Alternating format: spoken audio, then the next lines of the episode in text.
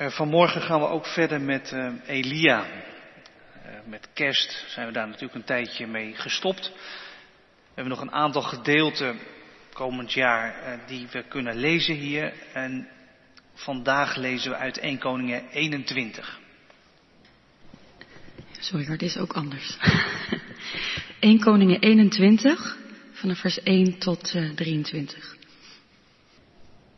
Enige tijd later gebeurde het volgende. De Israëliet, Nabot, had een wijngaard die grensde aan het paleis van koning Agab van Samaria, in dat koning Agab van Samaria in Israël bezat. Sta mij uw wijngaard af, zei Agab tegen Nabot. Hij ligt naast mijn paleis. Ik kan hem goed gebruiken om er groenten te verbouwen. Ik zal u er een betere wijngaard voor teruggeven. Of ik zal u, als u dat liever hebt, de prijs ervan in zilver uitbetalen. Maar Nabot zei tegen Agab, de Heer verhoede dat ik de grond die ik van mijn voorouders heb geërfd aan u zou afstaan. Agab ging terug naar zijn paleis, woedend en neergeslagen, omdat Nabot tegen hem had gezegd dat hij hem de grond die hij van zijn voorouders had geërfd niet zou afstaan. Hij ging op zijn rug, rustbed liggen met zijn gezicht naar de muur en weigerde te eten. Toen kwam zijn vrouw Izebel naar hem toe en vroeg, wat is er gebeurd dat je zo mismoedig bent en niet wilt eten? Ik heb met de Jezreëliet Nabot gesproken, antwoordde hij. Ik heb hem gevraagd of mij, om mij zijn wijngaard te verkopen. Of, als hij dat liever had, kon hij er een andere wijngaard voor terugkrijgen. Maar hij weigerde zijn wijngaard aan mij af te staan. Daarop zei Izebel, wat? Jij bent toch de koning van Israël? Sta op en eet wat. Dat zal je goed doen. Ik zal ervoor zorgen dat jij de wijngaard van Nabot krijgt. Uit naam van Agab schreef Izebel brieven, verzegelde die met het koninklijk zegel en stuurde ze naar de oudste en aanzienlijkste in de stad waar Nabot woonde. In die brieven stond het volgende. Kondig een vaste dag af en zet Nabot vooraan wanneer het volk samenkomt. Laat dan twee mannen die nergens voor terugdeinzen tegenover hem plaatsnemen en hem beschuldigen van godslastering en majesteitsschennis. Daarop moet u hem buiten de stad brengen en stenigen. Nabots stadsgenoten, de oudste en aanzienlijkste van zijn woonplaats, deden wat Izebel hun had opgedragen in de brieven die ze had gestuurd. Ze kondigden een vaste dag af en lieten Nabot vooraan zitten toen het volk samenkwam. Twee mannen namen tegenover hem plaats en beschuldigden hem ten overstaan van het volk van godslastering en majesteitsschennis. Daarop werd hij buiten de stad gebracht en gestenigd. Ze stuurde Izebo bericht dat Nabot door steniging ter dood was gebracht. Toen Izebo hoorde dat Nabot dood was, zei ze tegen Agab, je kunt de wijngaard die de Jezreëliet Nabot je weigerde te verkopen in bezit nemen. Want Nabot leeft niet meer, hij is dood.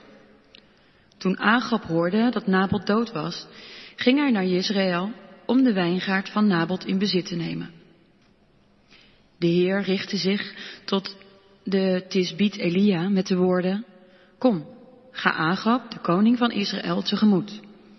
Hij is uit Samaria naar de wijngaard van Nabot gekomen om die in bezit te nemen.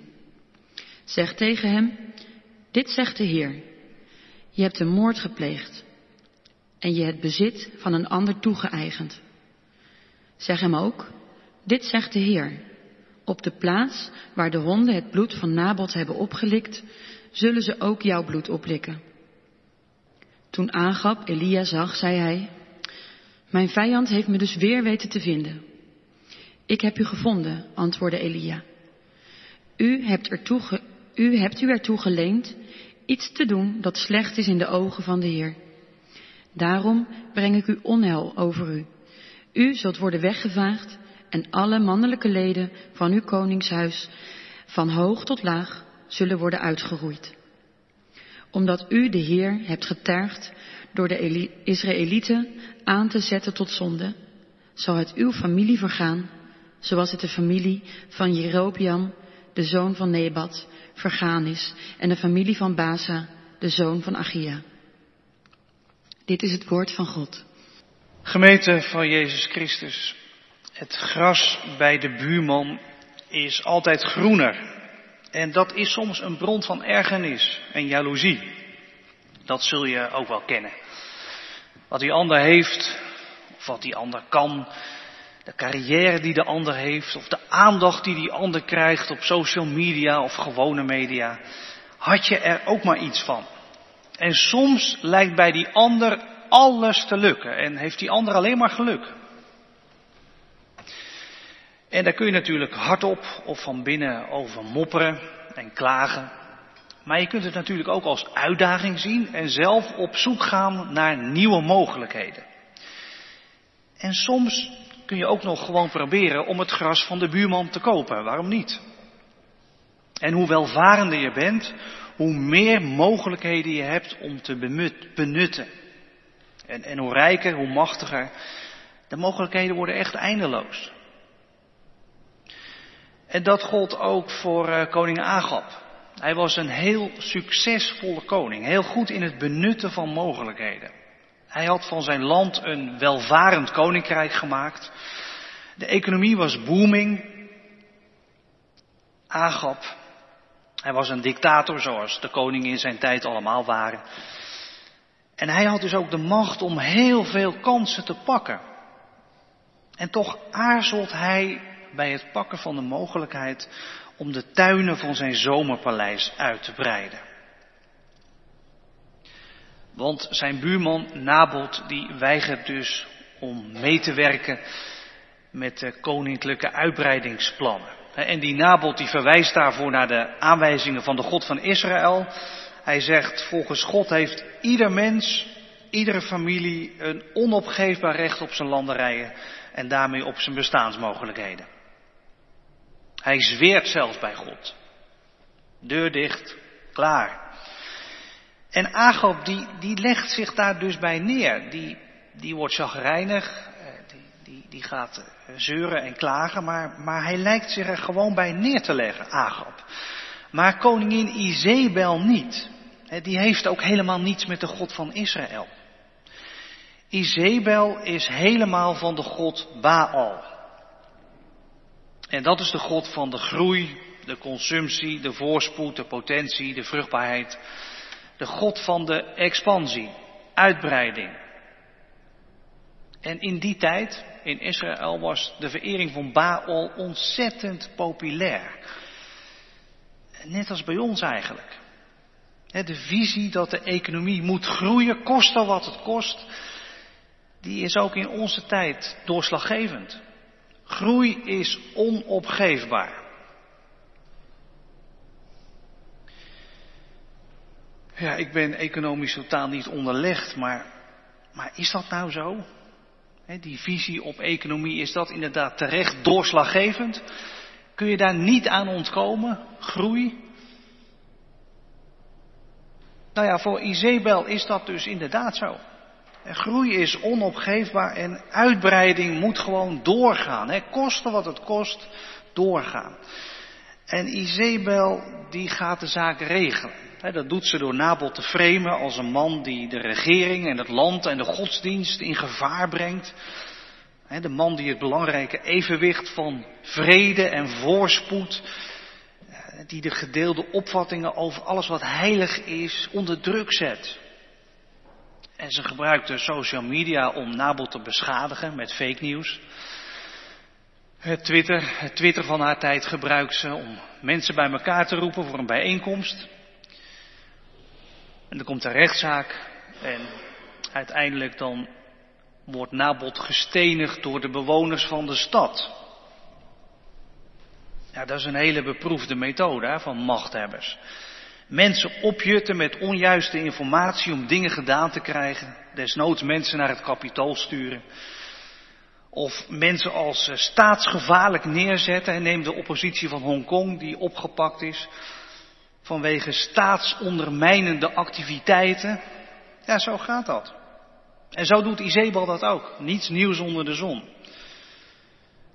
En Nabot wordt uit de weg geruimd. De kleine worden opgeslokt door de grote.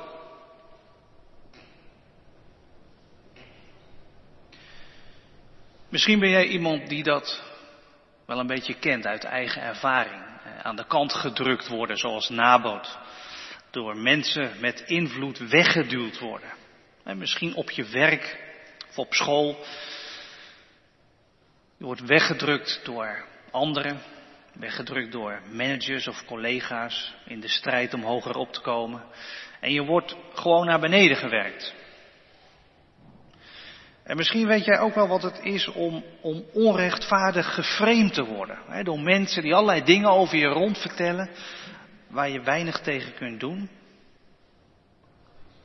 Het gebeurt in het klein, het gebeurt in het groot, in de wijde wereld. En het is ontzettend succesvol, de strategie van Isabel. En ik weet niet of jij dat ook hebt, maar soms dan word je daar zo moedeloos van. Mensen met macht en invloed in je eigen leefwereld, in de wereldpolitiek. Ze breiden telkens maar weer uit. Telkens weer wordt er een tuintje van iemand anders opgeslokt.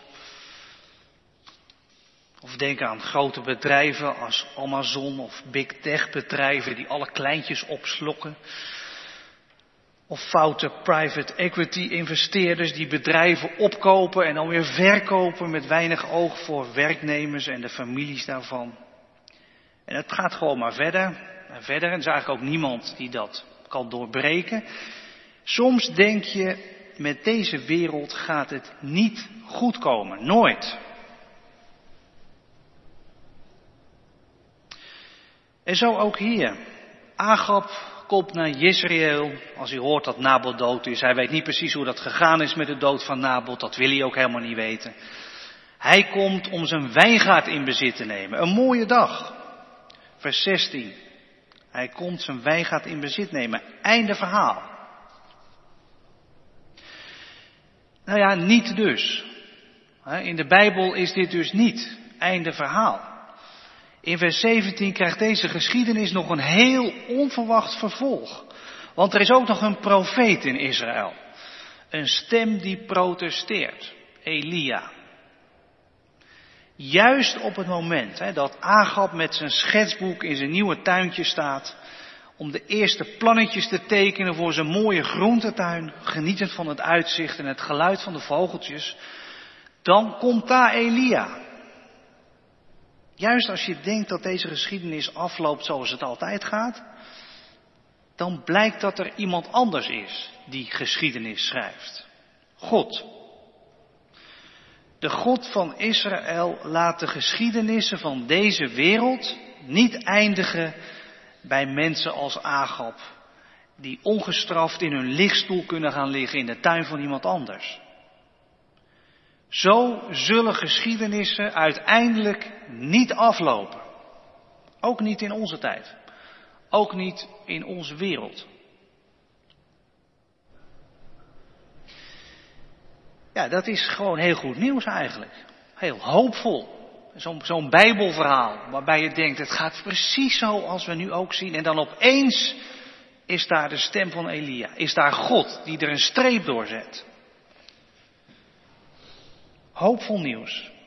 Ook voor iedereen die zich met Nabot kan identificeren. Als jij wordt opgeslokt en weggeduwd, er is een God. En die laat het niet over zijn kant gaan.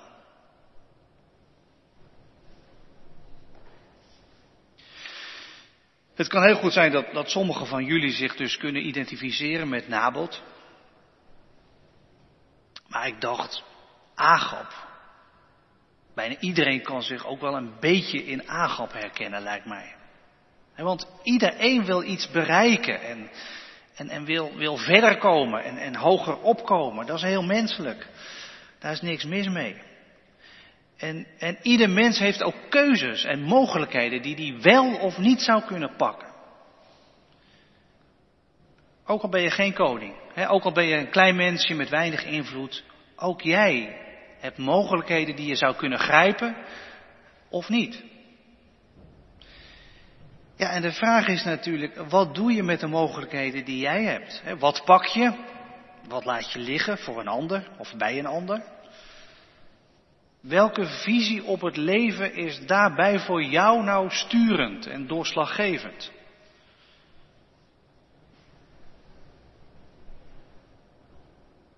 Kijk, als je de visie van Izebel volgt en de welvaartscultus praktiseert, met het idee dat je zeker moet pakken wat je pakken kunt, ja, dan komt dus vandaag Elia naar jou toe met een woord van God. Zeker als je juist van plan bent om van je nieuwe verworvenheden te gaan genieten, zonder dat je informeert hoe het nou komt dat jij dat kunt hebben, wie daarvoor betaald heeft. Dan komt Elia.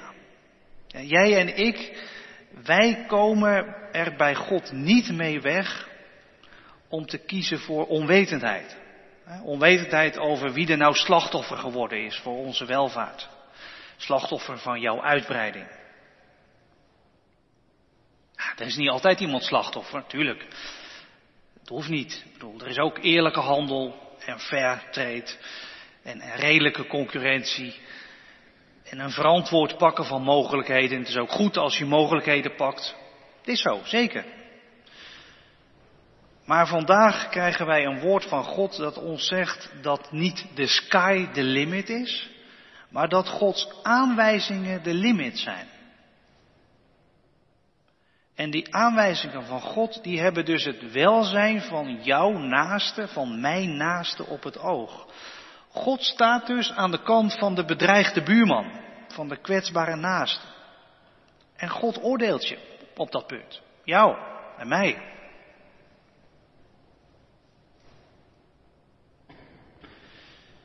Ja, dat is een stevige boodschap van Elia. Dat God jou en mij oordeelt als het gaat om de buurman die de dupe is van de mogelijkheden die jij pakt. Een oproep dus om anders te leven als dat nodig is. Dat moet je zelf maar eventjes bedenken en over nadenken. Of het ook op jou van toepassing is om een beetje anders te leven dan je op dit moment doet.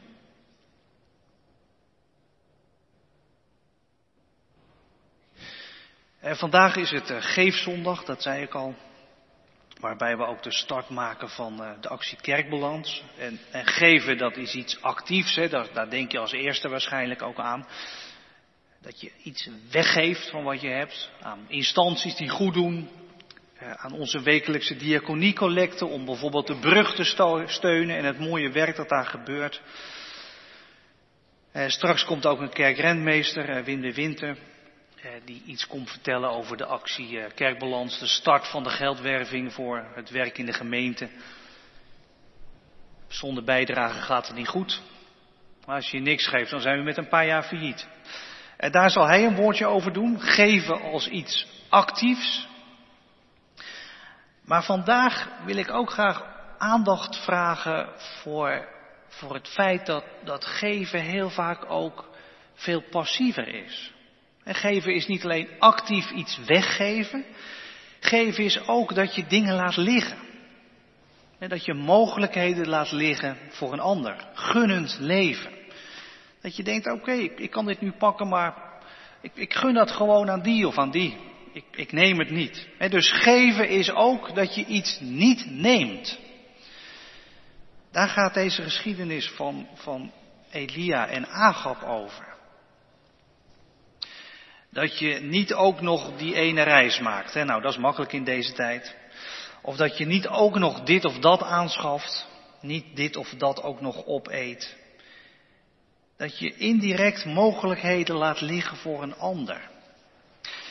Weet je, daar zit iets, iets heel bazaals achter. Een, een, een levenshouding waarbij je de vruchten wel ziet, je ziet ze hangen aan de struik, maar je plukt ze gewoon niet allemaal. Je laat ook nog wat dingetjes hangen voor andere mensen, andere dieren. Niet alles plukken. Ja, eigenlijk is het ook wel zo dat, dat met het plukken van mogelijkheden kun je dus ook mensen plukken. Het bestaan van mensen plukken. Het is heel apart dat die buurman van Agab dus Nabot heet. Dat betekent vrucht. Heel aparte naam eigenlijk, vrucht. Maar goed, dat als mens, ja, een mens is, heeft ook iets van een vrucht. Je kunt geplukt worden. En mensen kunnen andere mensen plukken, hun bestaan opmaken, opeten. En wij leven natuurlijk in een tijd dat het, dat het heel lastig is. Eh, wat, wat jij nou precies veroorzaakt met, met wat je doet. Hè. Het, is, het is globaal, uh, hoe onze wereld in elkaar zit en de verbanden zijn ook enorm. Heel vaak ken je de mensen aan wie je de mogelijkheden gunt niet eens. Om, om even één voorbeeldje te noemen. Als jij en ik, als wij minder vlees eten, en er dus minder veevoer nodig is, en dus minder soja geteeld hoeft te worden, en dus minder Amazonewoud hoeft gekapt te worden, dan geven jij en ik ruimte om te bestaan aan inheemse volken. Dat is natuurlijk eigenlijk absurd als je daarover nadenkt. Dat, dat jouw kippetje, of nou ja, wat je ook maar op je bord hebt liggen, dat dat uiteindelijk te maken heeft met mensen die je nooit hebt gezien, die ergens in een Amazonewoud wonen. Maar het is wel zo. Het is wel zo. Onze buurman, die woont soms aan de andere kant van de wereld en we weten niet eens wie het is. Maar het is wel onze buurman. En hij heet dus Nabot, vrucht. En jou en mij wordt gevraagd om hem niet te plukken. Gun je buurvrouw, je buurman ruimte om, te bestaan. Hè? Gun hem of haar een beetje succes, een deal, wat speelruimte in het team waarin je opereert op de werkvloer, een beetje ruimte in je klas. Geef mogelijkheden aan mensen. Een vraag voor uh, komende week is, uh, wie is nou jouw buurman of jouw buurvrouw? Hè, jouw naaste. Voor wie jij iets kunt betekenen door iets te laten liggen. Moet je maar eens over nadenken. Wie is jouw buurman? Wie is jouw buurvrouw?